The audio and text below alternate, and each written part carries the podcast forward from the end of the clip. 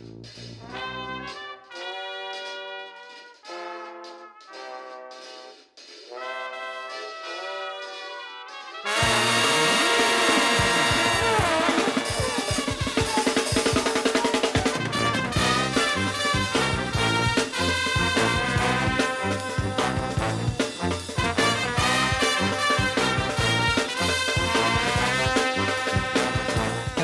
croeso i benod 99 o Ysbeidiau Heilog gyda fi, Lee Jones. A fi, Llwyd Owen, lle byddwn ni yn rhoi sylw i pethau bach. Dyn ni gwahaniaeth mawr i ni yn ystod y cyfnod hollol honco, diben draw, hwn. Diolch i chi am wrando. Uh, diolch i bawb sy'n gwrando bob wythnos. Diolch i chi os ych chi jyst yn gwrando ar, uh, ar ryw hap.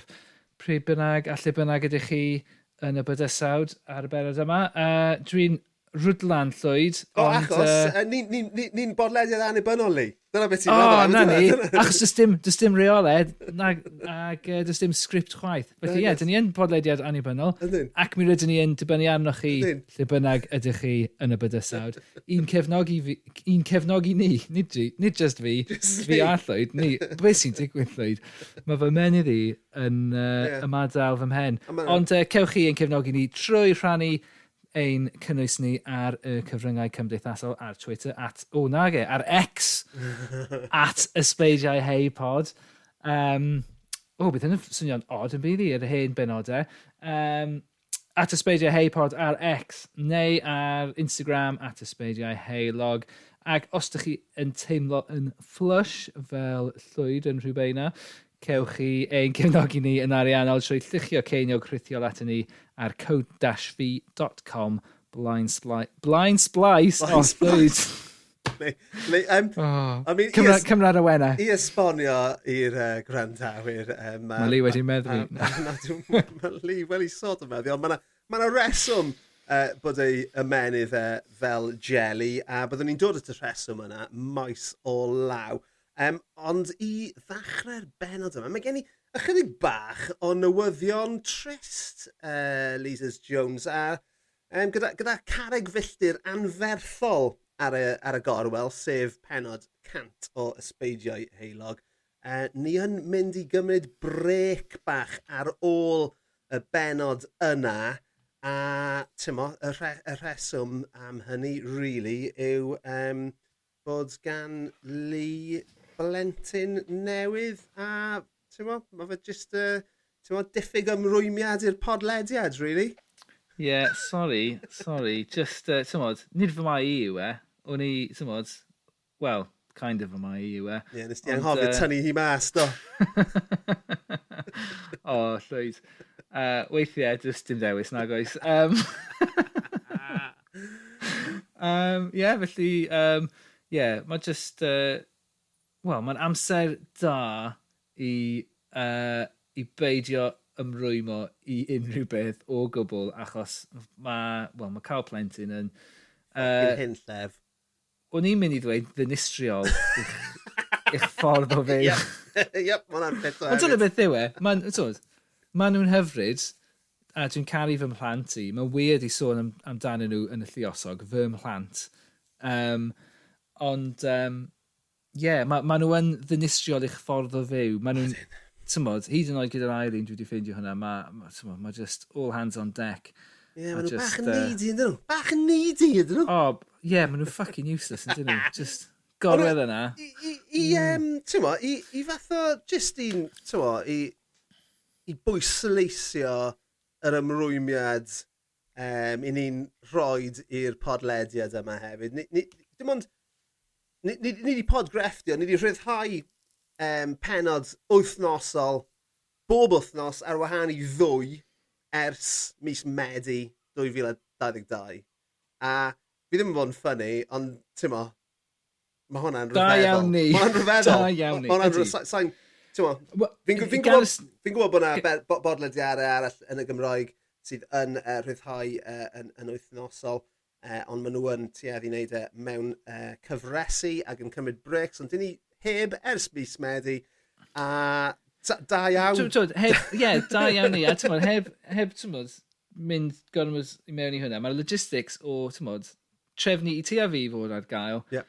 ac wedyn i fi golygu'r benod, yeah. a wedyn tymod, yr wythnos canlynol i ti a fi fod ar gael ac i gwesta bod ar gael. Yeah. Tymod, mae'n lot o waith um, i, ti'n bod, i bodlediad bach yn ei annibynnol fatha ni. Wel, yn union, yn union. Ond, neud, ni ond ma fe. Ni'n neud hyn, ti'n mo, allan o gariad at ein diwylliant, at ein ti'n modd, at ein, at ein gwlad, at ein cyd Gymru, uh, ni eisiau, ti'n modd, y bwriad... Ac at ein gwrandawyr. Ie, yeah, y, y bwriad oedd, ti'n modd, rhoi, rhoi, rhoi mo, cynnwys uh, cyfredol, ti'n modd, cyfoes allan Um, achos dyna, ti'n fi'n fi, fi meddwl taw Gareth Banal o un o'n gwesteion gwych ti'n sydd, sydd yn gweud bod, bod, bod rhaid i'r diwylliant ti'n fod yn fyw mm. er mwyn cynnal iaith, er mwyn iaith fod yn fyw.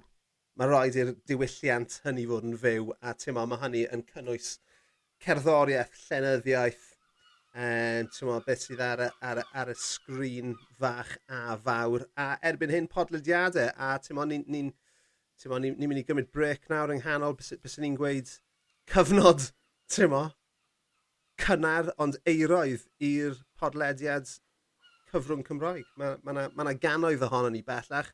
Um, so ie, yeah, pawb allan na sy'n cynhyrchu, cadwch i fynd, man, chi'n fucking brilliant. Does gen i ddim byd i ychwanegu at hynna, ti'n bod? Just, uh, ti'n bod? O'n i yn meddwl...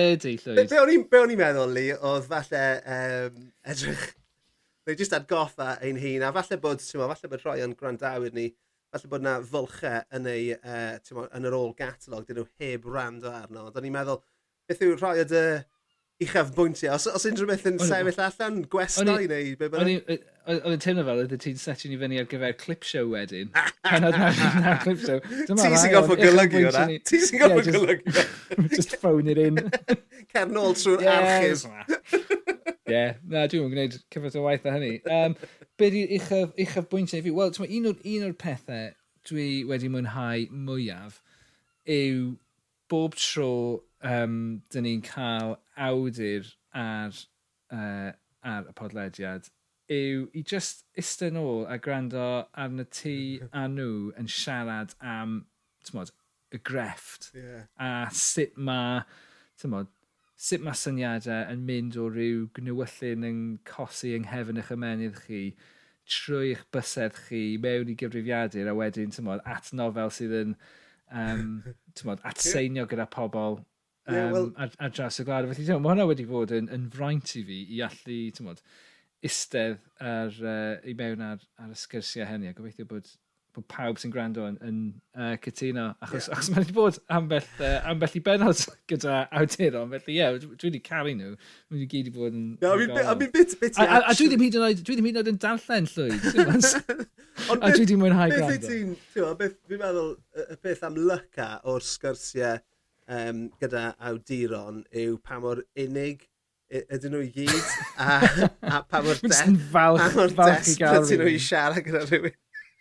Ac, Rhywun sydd yn deall nhw hefyd. Os ych chi eisiau, um, ti'n os ych chi eisiau gweld tystiolaeth neu clywed tystiolaeth o'n, just, just grandewch nôl ar benod Dewi Prysor a John Gower. John Gower. um, Sa'n meddwl nath Leo fi. Wel, wnaethon ni wneud yr intro, fi'n meddwl. Yeah. A wedyn banta nhw. And, uh, ond na, maen nhw'n briliant, achos ti'n dyna ddau foi sydd yn werth gwrando arno hefyd. Ti'n stori stories yn dod o mm. bob, o bob ongl.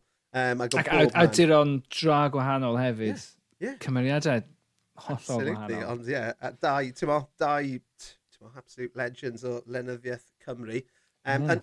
Yr er, er, er un sy'n sefyll allan i fi, a fi'n gwybod eh, e, bod, bod, bod nifer fawr o bobl wedi gwrando ar y benod yma, ond sa'n meddwl na i byth, e, uh, ti'n mo, o ran fath o uchafbwynt um, gyrfaol, sa'n meddwl byddai byth yn top o gofyn i Betty George os mae byth wedi cael coc kangaroo yn ei chig.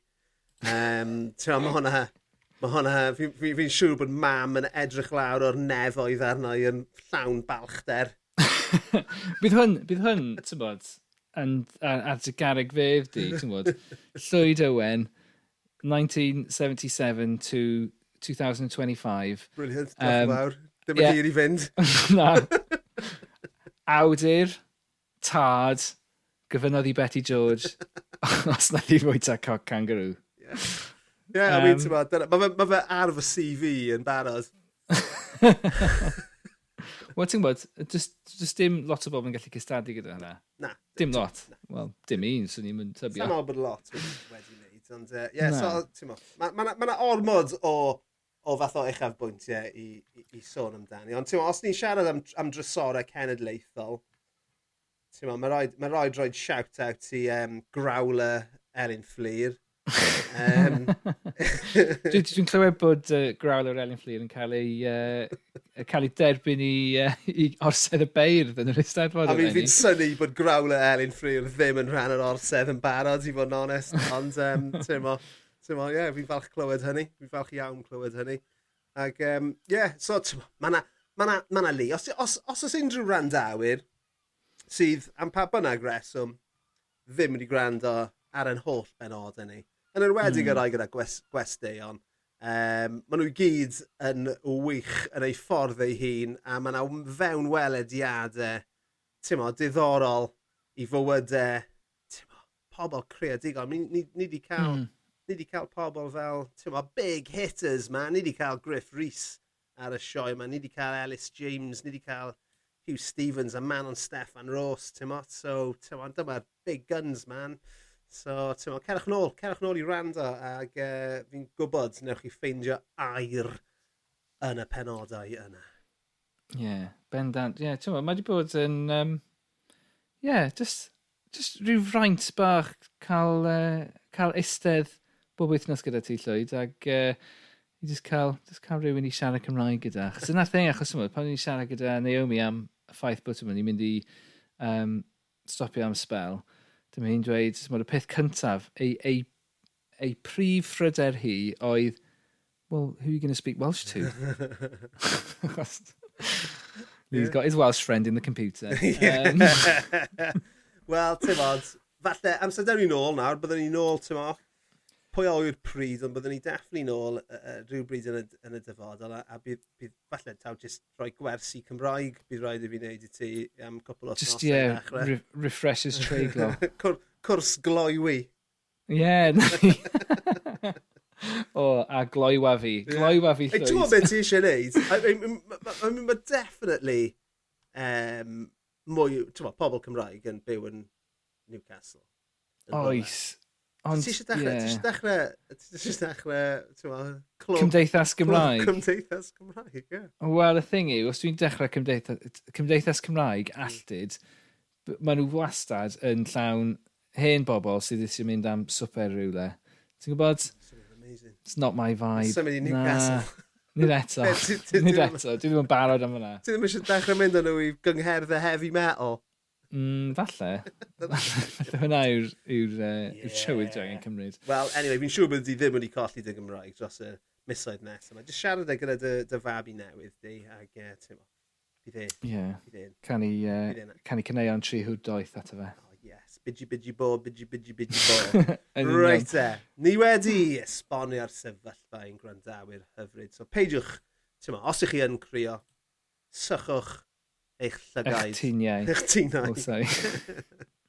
dwip, dwip. Eich llygaid. A um, byddwch yn barod yeah. i glywed am y tro olaf am spel, beth sydd yn neud Lisa's Jones yn hapus.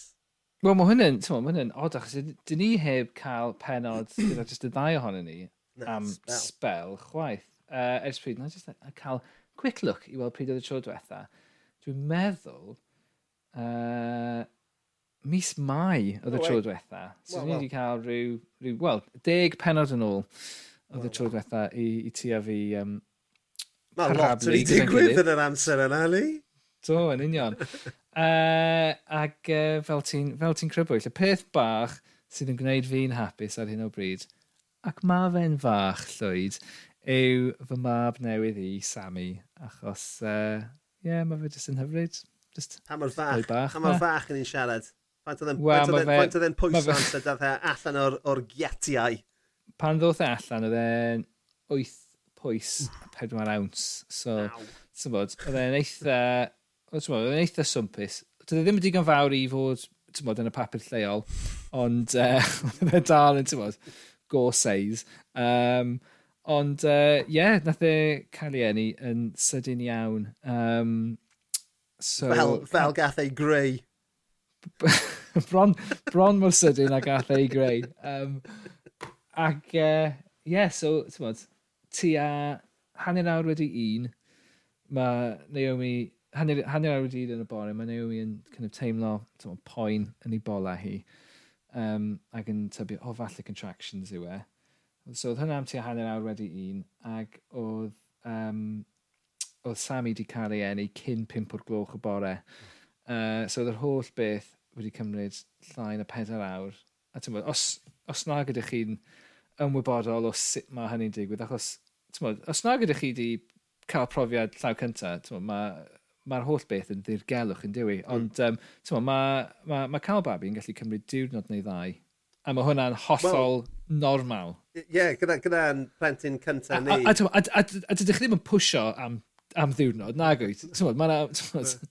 Mae'r ma broses yn, yn eitha hir weithiau. Oedd Lisa mewn am um, 5 os na'r chwech diwrnod yn cael Elian. Fucking a nath i... Get on with it. oh God, well, ti'n gwybod... Achos ti'n ti pacio bag i fynd, a ti'n cymryd snacks a stuff. Pa mor sydyn oedd y tŷ lawr yn y cafeteria yn yeah. prynu fucking well, sandwiches? Wel, ar ôl, ar ôl pedwar diwrnod, nath i hala fi allan i brynu castor oil. Ti wedi clywed am hwn? So mae castor uh, oil yn, yn, yn, yn, yn ysgogi symudiadau corfforol. Um, a nath hi... not, not advisable. Ond nath hi, nath hi gymryd hanner potel o castor oil ar dynod pedwar a o fewn cwpl o oriau oedd Elian allan, neu pwnnod pimp neu beth bynnag. Ond oedd Lisa jyst fel, mae'n gorfod allan. Mae'n mm. gorfod, mae hwn yn ridiculous, fi eisiau mynd gartre nawr.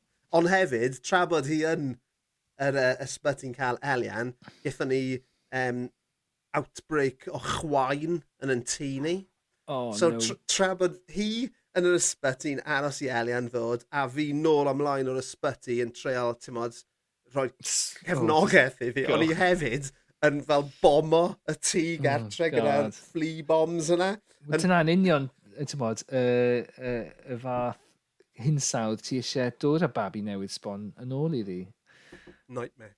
nightmare. Oedd i yn, oedd fi yn, oedd i'n hyn Anyway, llai amdano so, ti, yeah. mwy amdano ti. Gwerthu yeah, ni, so, o'ch chi gartre, well, chi gartre erbyn amser cynio de, os, os oedd e mas erbyn brecwas? Wel, oedden ni, wel, o'n i'n gobeithio, ond, um, ond oedd e ddim yn bwydo yn digon da i ddechrau. Oedden ni, o, oh, tymo, oedden ni yna, tymo, chwech o gloch o bore, jyst tymo, dal y babi newydd ma, a dyma ni'n dweud, o, oh, o bosib, cewch chi fynd erbyn amser cynio. O, oh, bys hwnna yn amazing, dychmyga hwnna. Ond ie, uh, yeah, dy ddim yn bwyd ond digon dda, so oedd rhaid aros y noson. Ddes i adre, obviously. no problem for me. Ond, um, yeah, so um, wedyn yr, yr ail diwrnod, uh, oedd e jyst cymryd oesoedd i cael discharge achos oedd, um, oedd nhw'n bryn o staff. So oedd nath ni cyrraedd adres i chwech o'r gloch y prynawn neu'r noswaith ganlynol. Um, so yeah, ac um, yeah, nath, Sammy ddod nôl. Dyma'r dyma, dyma, dyma'r dyma pethau ni'n anghofio, reit. So, mae ma mhlant i nawr yn... Uh, a lot hun yn na dy roed i. E. Ti'n anghofio, oes? Os ti'n o'r pethau nes ti ddweud, oedden ni, like, o ie, ti'n meddwl, mae pawb, bla bla bla. Ac ti, nes ti dweud, o ie, I mean, mae pawb yn ffain ar wahan, bod rhaid ni ddihuno bob dwy awr i fwyd o'r babi. A ni, like, fucking yeah. hell. Yeah, yeah, yeah. Ond i anghofio, pob dim am, ti... am y bwyd o, trangwyddol yma. dros y uh, deu diwetha, neu'r neu, ddeunos, um, mae Sammy wedi cysgu am swmp yn y noson yeah. o bedair awr. Amazing. Sydd yn, mae hwnna yn amazing, a mae hwnna'n bryn.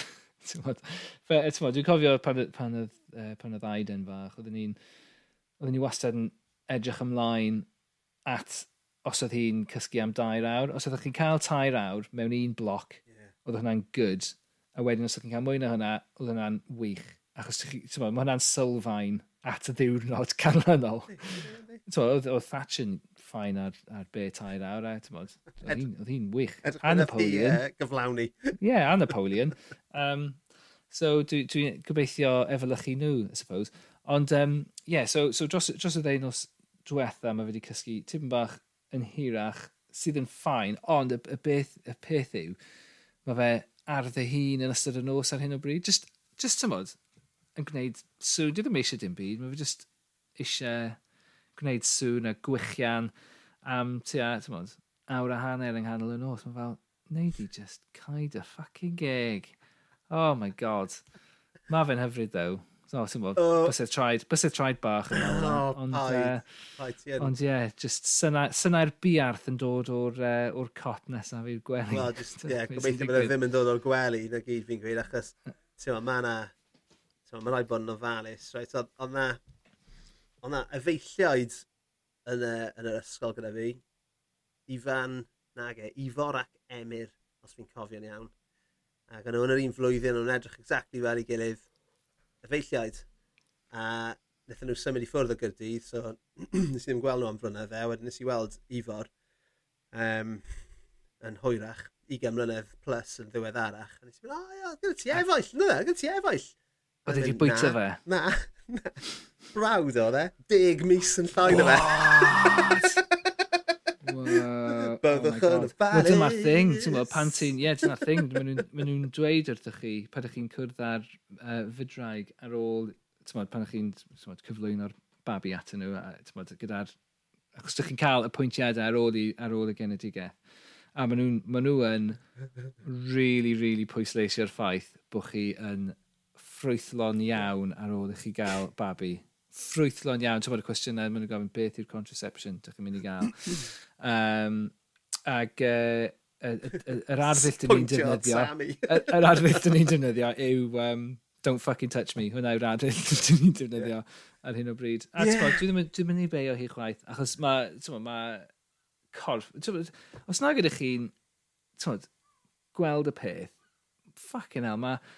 Mae'n ma, ma hawdd jocian am, ti'n y poen yn y llefydd amlwg, so, pan mae rhywun yn, yn rhoi genedigaeth i, i fabi, ond just yr holl ymdrech trwy holl gorff rhywun oh, na. i, ben... i wneud e. Mae fe'n rhyfeddol. Ma ben... O'n i'n, o'n i'n eistedd yna wrth i Naomi pwysio Sammy allan ac um, o'n i, ti'n meddwl, hwn yn i'n swnio'n really, really fucking awful nawr. Yn y ffordd gweitha. Oedd edrych yn hawdd? Na, na. Na, ti'n ti barod, ti barod am hwn llwyd. Os, os o'n i'n dweud hwn am pwyntiau, bys ni, bys ni dweud hwn yn Saesneg, a bys ni ddim yn gwneud dweud hwn trwy Gymraeg, achos, byd, achos trwy dweud hwn trwy Gymraeg, ti'n modd, bydd, hi ddim, bydd ganddi hi ddim syniad mod i'n dweud hwn, ond o'n i just yn llawn edmygeth ohoni hi, o'n i just, o'n i, ti'n modd, just, yr uh, er hunan reolaeth oedd ganddi hi ar, ar, ti'n modd, yr... Um, y fath o presence of mind oedd ganddi hi. Oedd hi, hyd yn oed, wel, oedd hi'n llawn gas yn e, ond, ond oedd dal ganddi hi fel y presence of mind yma ac y, tmod, y, yr ymdrech yma i, i allu wthio Sammy allan. O'n i, ar un pwynt, o'n i'n kind of, trio stopio fi hi'n rhaid crio, o'n i just yn mm. kind of sobian nesaf wrth i hi, a dyma hi just yn gweiddi arno fi, don't laugh at me! a dyma fi sychu dagra off, off yng ngwyneb i a dweud, I'm not laughing. Yn fy draig yn dweud, there's nobody laughing. yeah, ond, ti'n bod, er, er yr holl, ti'n bod, yr holl ymdrech, a mae ma fe'n eitha, mae ma, ma fe'n peth ddramatig ac yn eitha, mae bron yn kind of treisgar faint o ymdrech mae ma rhaid i, i fe'n bod mynd trwy ddo fe. Mae'n traumatic, man. Mae fe'n ma ma ma ma ma ddigwyddiad traumatic a, ti'n e, ma, nethon ni siarad lot am y, uh, patriarchaeth yn ein hmm. penod mm. gyda Seren Morgan Jones. Fi'n meddwl, tasau dynion yn rhoi genedigaeth ac yn cael misglwyf. Mm. Wel, bys ti'n cael mis off yn yr ysbyty ar ôl rhoi genedigaeth, jyst mm. i hmm. adfer, a bys ti'n cael wythnos off bob mis, right, o beth hmm. bynnag mm. ti'n neud, right? Dyna'r dyna gwir ohoni. Ac, um, ti'n mo, mae fe'n ma fe absolute trauma, right? Mae'r fucking thing mawr yma, wyth pwys, Right? Yeah. So, nyn ni wedi, it's maint pale rugby, right? yeah. Yn dod allan o dwth seis dylygad. Right? Mm. Dyna'r, dyna'r, dyna'r, dyna'r, y breakdown i ti. Yeah. Mae'n fucking ridiculous. So mae, ti'n mo, mae'r ma, ma, ma holl gyhyrau, mae'r holl joints perthnasol, mm. nhw i gyd yn datgymalu ac mm. yn, er mwyn neud lle, i'r mm. hynllef yma i ddod allan. Wel, ie. Yeah. a wedyn, yeah. mae'n ma, ma fe'n goffi mynd nôl at ei gilydd wedyn. Wel, dyna'r thing, yw, mae hi'n, mae hi'n, um, tywod, uh, mae hi'n syffro nawr achos hynny, yw achos mae pob ddim yn mynd nôl a, tywod, yr ymdrech yma mae ei chorff i wedi mynd trwy ddo fe. ddewe. Mae bythefnos wedyn, mae, mae, mae pob cyhyr yn ei chorff hi yn brif ar hyn o bryd. Ac, um, Ie, yeah, just, just dychmyga, mae'r ma broses yma, mae pob dim wedi ymestyn dros mm. rhyw naw fus. Felly, yn ara deg, obviously mae'n anghyfforddus, ond mae'n ma, ma mynd fesel dipyn, a wedyn, unwaith mae'r babi allan, mae pob dim just eisiau mynd syth nôl, a ti'n meddwl, dwi'n na, just, just dychmyga bod cyhyrahu fel tectonic plates. Yep. Dyna beth dwi'n meddwl. Yeah. Mae'n just fel deiargryn anferth bob dydd gyda hi wrth i bob dim trio mynd nôl at ei gilydd. A ie, yeah, just parch mawr at, uh, at bawb sydd yn uh, cael babis, really. Yeah. Um, Ond ie, yeah, well, on, ond ie, yeah, sôn am y pethau bach, Dyn ni wedi sôn am Naomi gormod am hwn, nid hi sy'n gwneud fi'n hapus, ond Sammy, Sammy bach, um, Sammy Griff. Um, so ie, yeah, mae fe yn hyfryd ag uh, mae fe yn bwyd o'n dda nawr, ers gadael yr ysbyty, ag uh, nes i cymryd ei fy hoff dafarn ni pnawn yma. Cwpl um, o beints. Ie, yeah. a ti'n nes i fynd mewn ac oedd gen nhw bas ar tap, sydd yn good. So mae'n dda, yeah. mae babis yn really off i bas. Ma nhw, achos mae fe'n wan hefyd, so mae'n good iddyn nhw. Um, um, ac o'n i'n meddwl, o, oh, mae mae'n good, dwi'n mynd i, achos dwi heb, achos, dwi'n mynd i'r pub yma yn y pnawn, ar ben fy hun, darllen llyfr am awr, trio darllen penod o lyfr, gyda peint o gynnydd. Um, a falle mynd unwaith yr wythnos os dwi'n dda, ond dwi heb fod am, am rhyw fus. Felly, o'n i'n edrych ymlaen at uh, cymrydau, e, ond uh, dydw i e ddim yn setlo o gwbl. Fel arfer, mae fe jyst yn cysgu trwy'r dydd. ddim yn gwneud dim byd o gwbl, ond unwaith nes i gyrraedd y pub, uh, oedd e jyst yn anhapus, so oedd eisiau, come on, cael ei ddal a pob dim. Oedd e fel, oh my god, ydy'r plentyn bach yma ddim yn hoffi'r pub. Dyma, dyma, dyma un o fy hoff lefydd i. Ac uh, dwi'n gallu cymryd e, achos uh, Ti eisiau gadael e gyda Naomi a mynd â dy ferch gyda ti i'r dafarn. Bydd hi'n hapus. Wel na, wel dyma'r thing, dyma'r thing. Ti'n gwybod, mae Aiden rhy hen. Nid yma, ti'n gwybod, ti'n gallu cymryd babi i'r dafarn yma. Ti ddim gallu cymryd plentyn. Oh, okay. Ti'n gwybod what I mean? Ie, yeah, yeah, yeah. fath yna o pub i we. Um, ond... Uh, siarad, yeah. siarad am Aiden, mae hi'n rhyw dair a hanner. Pedair a hanner. Pe, Mae'n bedair a hanner. So, okay, mae hi'n handlo'r hyn llef yma newydd yn ei well, bywyd hi. dyma'r thing, mae lot o bobl yn dweud, o, oh, well i chi just cael yr ail blentyn yn sydyn fel bod chi'n cael ei allan o'r ffordd fath o beth. Dwi'n dwi, deall y y, uh, fath o meddylfryd hynny, ond be ydych chi ddim yn meddwl amdani yw, os ydy plentyn yn fwy hen, yn amlwg maen nhw'n ma nhw teimlo'r un emosiynau a phlentyn sydd yn iain yn nhw pan mae brawd neu chwaer bach yn dod yn dod, uh, yn dod i mewn i'r teulu. Ond beth sy'n wahanol yw pan maen nhw'n hun, fel, fel mae Aida, a mae i iaith hi, mae mor datblygiedig, mae ganddo hi vocabulary rhagorol, a mae hi'n mae hi dal hefyd, felly mae hi'n edrych yn hun ag yw hi. Ond achos mae i iaith hi yn well, mae hi'n gallu mynegu ei thimladau hi'n well, a mae hi'n gallu catastrophisio i'w hun hefyd. Achos, ti'n modd, os, os, os oes yna blentyn dwy mlynedd oed yn teimlo'n in, yn insecure, neu mod, rhyw fath o um, yn fregus o, o rhyw fath o ffordd, bydden nhw ymateb i hynny yn emosiynol. A ti'n bod, gyda phlentyn sydd yn bedair a hanner, bydden nhw'n ymateb i hynny yn emosiynol hefyd, ond yn ogystal â hynny, bydden nhw'n dweud wrth eu hunan beth sydd yn digwydd, a bydden nhw'n, so, falle bydden nhw'n ystyried, o, oh, dwi'n mynd i cael fy eilyddio gan rhyw babi newydd, a mae mam a dad just byth mynd i siarad gyda fi erioed yn, yn y dyfodol. So, mae hi'n gallu mynegu hwnna i'w hunan hi, um, tra bod plentyn sy'n dwy flwydd oed ddim yn gallu. Yeah. Felly, mae yna ma, ma, ma rhyw lefel emosiynol, Na, ma fe, hollol, ma fe, ma, ma, hollol ffucked sy'n gan ni. Ond y peth ti'n gorfod cofio, e, yw, yw am bedair mlynedd a mwy, mae oh, hi wedi cael sylw pawb. Canol y bydysau. Ie, mae hi wedi cael sylw pawb. A nawr, mae yna rhywun uh, yn ei bywyd, yn ei thi hi, sydd nawr yn mynnu sylw pawb. A, a mae angen help ar y thing yma. Oes, a ti'n bod, mae'n rhaid bod yn ofalus hefyd, ti'n os, os Os ys rhaid, achos yma, mae ma anghenion Sammy yn lot mwy um, uh, presennol nag yw anghenion a Aida ar hyn o bryd. Felly, ti'n bod, mae ma yna berig. Bod, os, os, os di Aida yn gofyn am help gyda rhywbeth a, a dych chi'n mm. a chi gyda Sammy, os ydych chi'n dweud, o, oh, gan bwyll am eiliad, wrth i fi gwneud hwn gyda Sammy. Tw, ma, os, os ydych ti'n gwneud hwn i gormod, ti'n Tymod, chi'n mynd i roi neges, a ti'n tymod, dyna beth dwi'n poeni am, roi neges iddi hi bod, oh, actually, mae'r plentyn yma'n cael blaenoriaeth full stop fath o beth, yn hytrach na just gan bwyll am 5 munud wrth i fi wneud hwnna, byddai gyda ti yn syth bin fath o beth. Man. Yeah, y, y, y cwestiwn pwysica, fi'n meddwl, fi eisiau gofyn i ti am dy fabi newydd, oedd a weles di uh, meconium? O, oh, be? Y uh, uh, flipping disgusting... Y pŵ cyntaf maen nhw'n yeah. cael. Wel, o'na ti a, o'na ti a pedro neu pimp ohonyn nhw. Okay. Maen nhw'n insane, yeah. ond dim syniad y fi bod, bod, hwn, bod hwn yn bodoli. Bod normal. Tan bod yn, tan bod yn digwydd. Ond neb ne wedi rhybuddio fi, ac wrth gwrs, ni'n siarad nôl. O'n i'n mynd i ddweud yn yr amser cyn Wikipedia, dwi'n hwnna ddim yn wir, ond yn sicr oedd ymwybyddiaeth i ddim yn ddigon da. Ond ie, yeah, i, i unrhyw un sydd ddim, ddim wedi clywed am meconium. So meconium yw... yw, Mae fe fel...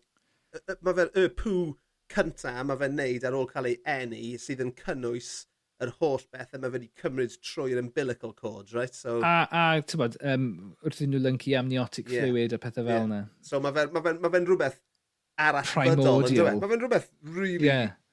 Mae fe, ma fe, fel, ma fe fel marmite Yndi. gyda tinge gwyrdd. Yndi, mae'n ffocin mental yeah. o beth. O'n i'n yeah, meddwl... A ti'n gorfod, ti gorfod glenhau hynna off ceillio bach. O, oh, o'n i'n meddwl bod, bod Elian mor sal am sy'n weld si hwnna. Ond ie, yeah, o oh, man. Fi, ond, fi... ond y peth, o leia dwi e ddim yn, dys na ddim uh, ogle iddo fe. Hwna yeah, yw'r yw, yw, yw unig bendith. Fel, fel fy mhw i, wrth gwrs. Ac, um, Liz, just lovely bod, uh, bod Sammy wedi dod i'r byd a yn ddiogel ag yn iach a ti'n mo?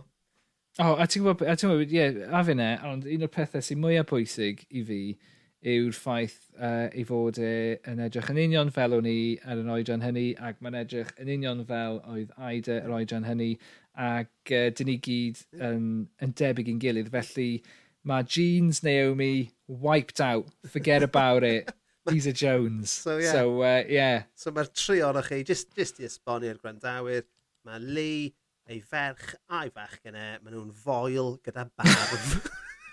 oh, yeah. A dyma'r thing arall, actually. Dyma, pan, pan oedd yn dod allan, dyma'r fidraig yn uh, mynd wrth Naomi. Oh, do, do you want to know a secret? Yeah, okay. A dyma hi'n mynd, he's got more hair than his dad. like, oh, yeah, when you fucking sat here, ain't I? Rude.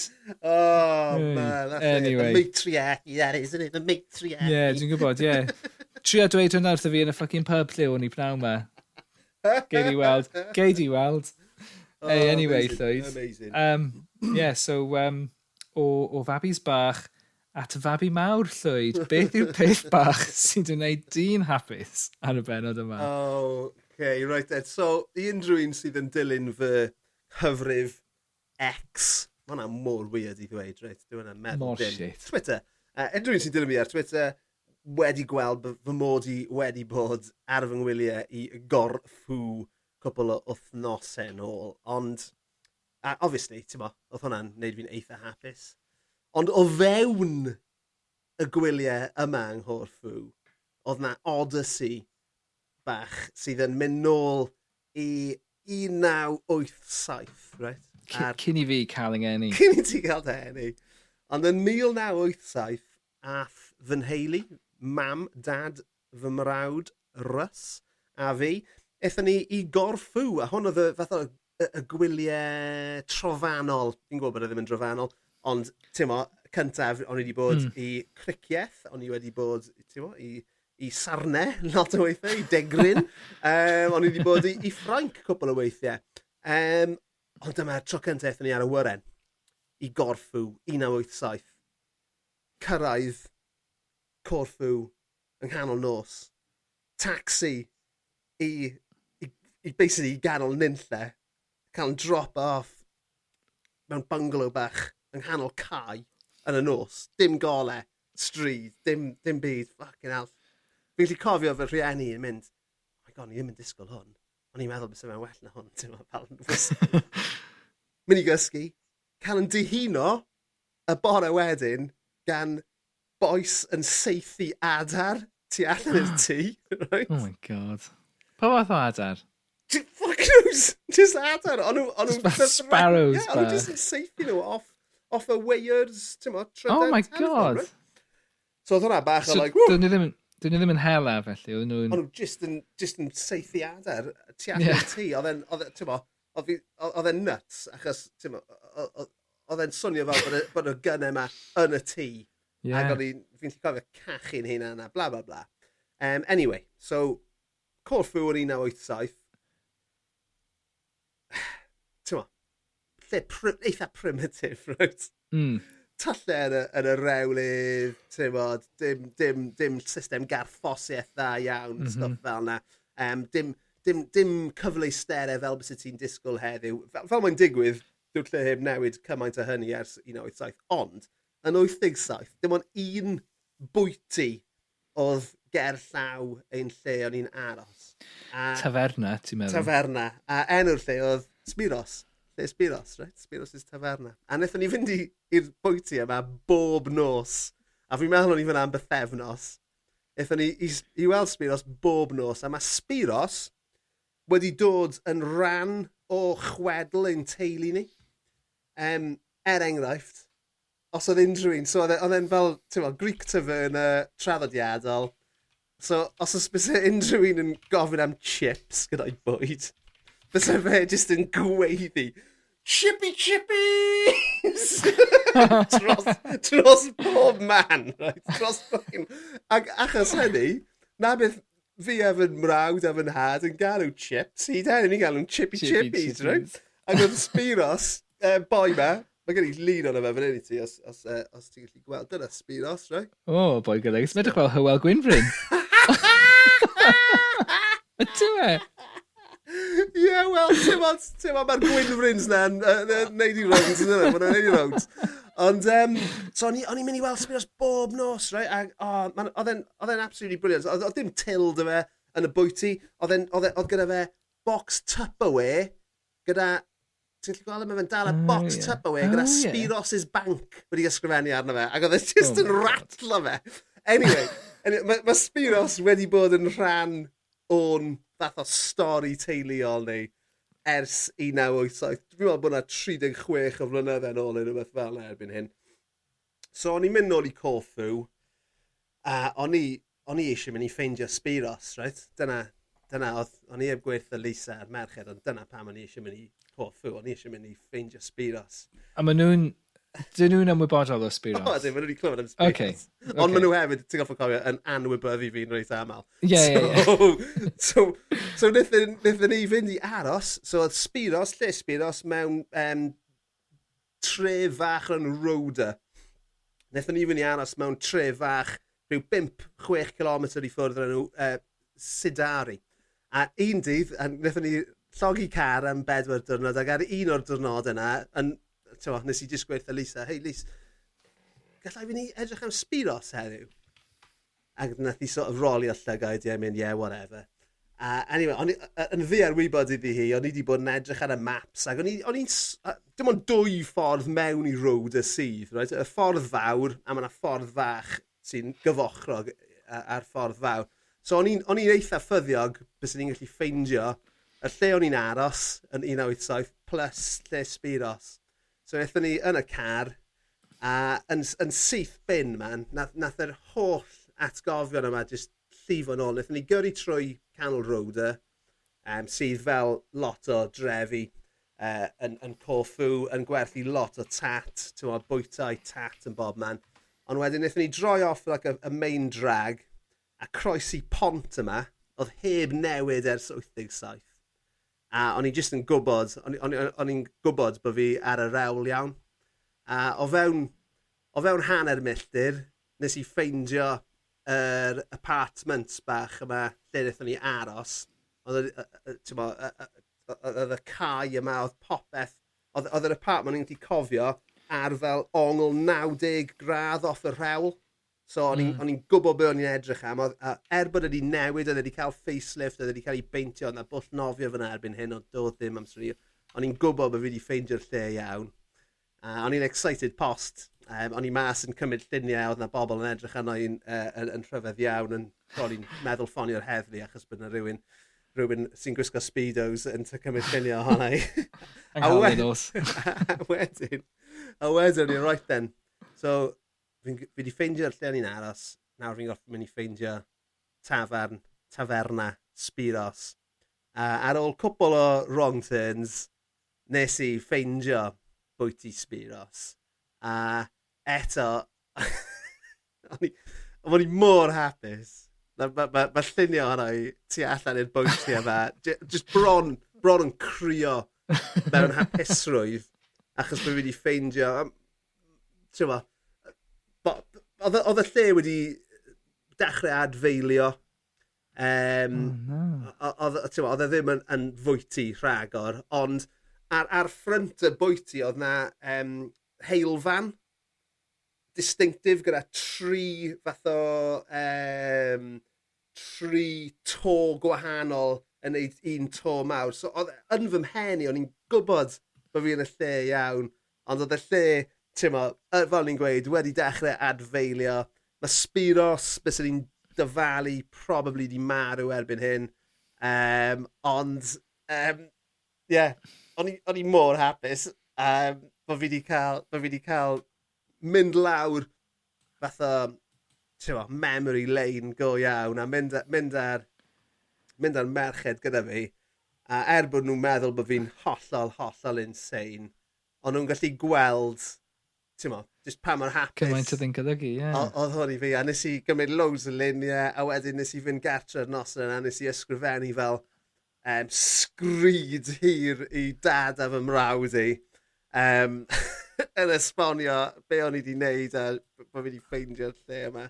A o'n i'n meddwl, a beth byd dad a res mor hapus.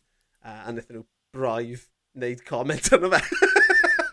Waw, mae hwnna'n ma hwnna ddiddorol, achos ti erioed wedi cael hwn, ble mae... Wel, dwi'n meddwl dwi wedi cael hwn y ffordd yma rownd, ond dwi wedi cael hwn y ffordd arall rownd, ond pan ti'n... Mae yna rhywbeth sydd yn digwydd. Well, so, so, hang on. Dwi'n gwneud uh, uh, synwyr o beth dwi'n siŵr dweud nawr. So, ti erioed wedi cael y thing yma lle mae rhywun yn dweud rhywbeth wrth ti am rhyw atgof sydd gen nhw, a mae fe mor clir yn ei pen nhw, yeah. ag tyma, a, tyma, oedd y peth yma, oedd chi'n rannu yeah. rhyw ddegawd ynghynt yn golygu lot iddyn nhw, ond dwi ti braidd yn cofio'r peth, a jyst meddwl, falle hwnna yw beth sydd wedi digwydd i ti yn fanna. Mae'r ma, ma thing yma, obviously chippy chippies, mae gan hwnna rhyw fath o legacy yeah. ac atseiniad i'r presennol. Yeah, Fi'n fi meddwl oedd y ddau nhw just yn sioct o faint o ymdrech yn esu. um, e, ers i fi ddod gartref, ti'n ni wedi siarad yn helaeth am y peth oh, a yes, be yeah. ni gyd yn gallu cofio. A fel ni'n gweud, fi wedi bod yn dangos lluniau i ti achos, ti'n mo, o'n i, nethon ni alam bob nos am bythefnos gyda'r dwyd yma. Ac oedd un o'r bobl, a ti'n mo, mae hwn, ma hwn yn wir um, o'r profiad diweddar yma o fynd i Corfu, oedd y bobl mor groesawgar, mor hapus e, mm. uh, bod, bod chi fyna yn gwario eich harian Um, fi'n gwybod, ti'n modd, bod taw, twristiaeth yw'r peth um, pennaf, ti'n modd, economaidd um, ar ennis fel Corfu. Ond oedd y bobl yn hyfryd tu hwnt. A, ti'n mo, a, a, a, a, a ti'n mo, oedd Spiros ddim yn, ti'n mo, yn, yn anomaly. Ti'n mo, fi'n meddwl taw jyst fel na ma pobl yn Corfu, a, a ti'n gwybod faint fi'n hoffi cyffredinoli, so dyna ni. ah, hyfryd, hyfryd. Yeah. So, oh, well, bydd rhaid i ni um, cyfnewid nodiadau, achos nes i fynd i Corfu, a mi nes i fynd i Sidari. Dyfa? Um, do, rhyw... Rhyw deuddeg mlynedd yn ôl, falle? Ie. Yeah. Ar y pop yn Sidari. Neu, Naddo, na, ond mae hwnna, mae'r ma strip yna yn tipyn... Ie, yeah, ond i ddim yn aros yn agos at y oh, strip. Oh, shit, ti'n gwybod, o, oh, dyma ni, dyma stori, dyna lle o'n i, right? Oh my god. So, o'n i yna, yn ystedd uh, yn y bar yma, ac um, uh, newyddion yn dod trwy am uh, llofruddiaeth Lee Rigby. Ie, yeah. oh, okay. yeah. Iawn. Ac, uh, ti'n tymod, achos y fath o le yw, ti'n tymod, y llefydd twristi yma. Mae ma lot o prydeinwyr yn mhm. byw ac yn gweithio yna. A'r ferch tu ôl i'r bar oedd yn Saesnes um, yn uh, dweud, well, ti'n modd, uh, it's because uh, it's because they just let too many immigrants in. Oh. Ac, uh, ti'n modd... The irony. Mae hi gweithio yn goffwyd. Mae hi sydd wedi symud i wlad gwahanol i weithio. Oh, just... A ddim hyd yn oed yn uh, siarad i'r iaith uh, am o'n i. Gwrs wyth ddim. Gwrs wyth ddim. Ac uh, yn cwyno am, oh am mewn mewnfudwyr. Uh, so ie, yeah, dyna fy un o fy atgofion yeah, uh, i. Wel, dyna thing, tyma, ddim yn cofio lot o'r, uh, or gwyliau yna, ond cofio, cofio hwnna, cofio gallu gweld Albania yn, uh, yeah, no, no, ar y uh, gorwel yeah. o'r, uh, o'r traeth. Ac ie, yeah, oedd y traeth yn eitha, kind of, oedd y tywod yn eitha kind of llwyd yn doedd. Ddim yn, yeah, ddim yn rhy hyfryd. Ddim yn, um, well, ddim yn rhy yeah, eiraidd. Ddim un o'r traethau, ti'n modd, ti'n modd. It's no Whitley Bay. It's no Whitley Bay. Mae Maxi, mae fy yn bach o Whitley Bay. oh, come on. Achos beth ti'n edrych am, o'n i, oedd y pedwar o'n ni eisiau mynd i snorclo, ti'n o'n i'n caru snorclo. Mm. Oh, with lot so, o greigiau. Wel, ie, yeah, so ti'n dyna beth ben, chi jyst yn, ti'n i'n byw yn y byd nawr, lle ti'n googlo, a maen nhw'n gweithio ti yn union lle i fynd i snorclo, so na beth wnaethon ni am ddau ddwrnod llawn, oedd jyst mynd rownd y lle yn ffeindio, ti'n treithau bach tiny ma, a jyst mynd mm. lawr a jyst blymio mewn. Dringo lawr, dringo lawr yeah. ar y creigiau, ie. Yeah. Ie, yeah. fath o lefydd lle, ti'n ddim yn gallu torheilo achos yma, yeah. just A fi'n fi'n gallu tarheilo unrhyw le. limit. So. Yeah, wel, da iawn ti. Dim cywilydd arno ti. Reit, Elisus Jones, that's it, buddy boy. Penod 99 yn y bag. Byddwn ni nôl gyda chi yn gwrandawyr hyfryd am un penod arall cyn bod ni'n cael brec gyda gwestau gwych tu hwnt. Bydd hwnna, bydd y benod yna'n dod allan yn ystod yr ysteddfod. Diolch i chi gyd am wrando. Diolch i Lee am rannu hanes Sammy Griff gyda ni. A ie, yeah, byddwn ni nôl wythnos nesaf gyda mwy o nonsens. O, oh, nice one, Lloyd, ie. A ie, gwestau rhagorol. Ie, yeah, baby. Yr wythnos nesaf i ni fynd allan gyda. So ie, yeah, edrych ymlaen yn fawr at hynny. Tan hynny, ta-ra. Thank you.